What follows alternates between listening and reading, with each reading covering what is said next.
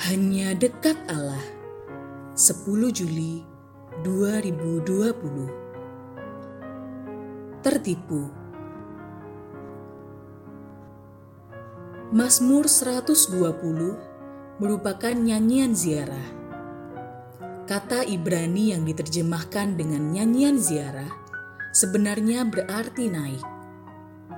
Kata ini pulalah yang muncul di awal Mazmur 120 hingga 134. Yerusalem didirikan di atas perbukitan dan bait Allah ada di atas bukit bernama Sion.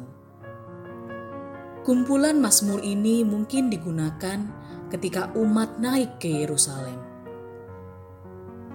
Pada awal Mazmurnya, penyair menulis, Dalam kesesakanku aku berseru kepada Tuhan dan ia menjawab aku.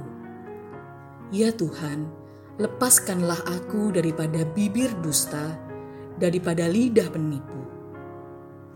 Sahabat, pada titik ini, penyair merasa sesak, mungkin karena ditipu. Tertipu memang menyesakkan, dan yang lebih menyesakkan lagi adalah kenyataan bahwa kita menjadi sulit mempercayai orang itu kembali. Sesungguhnya, inilah pergumulan besar bagi orang-orang yang pernah kena tipu bagaimana caranya agar mampu mempercayai orang itu lagi.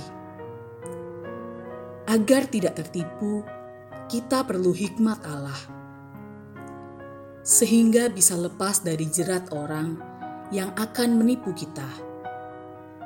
Namun demikian, jika kita pernah ditipu, baik jika kita belajar mempercayai orang itu lagi bisa jadi dia menipu kita karena kepepet.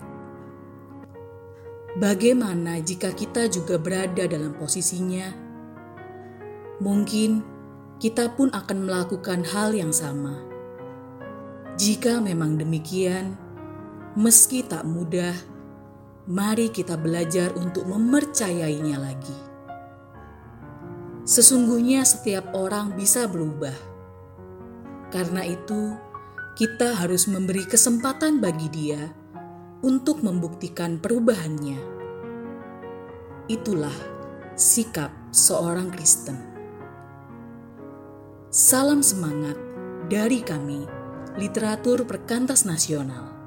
Sahabat, Anda bertumbuh.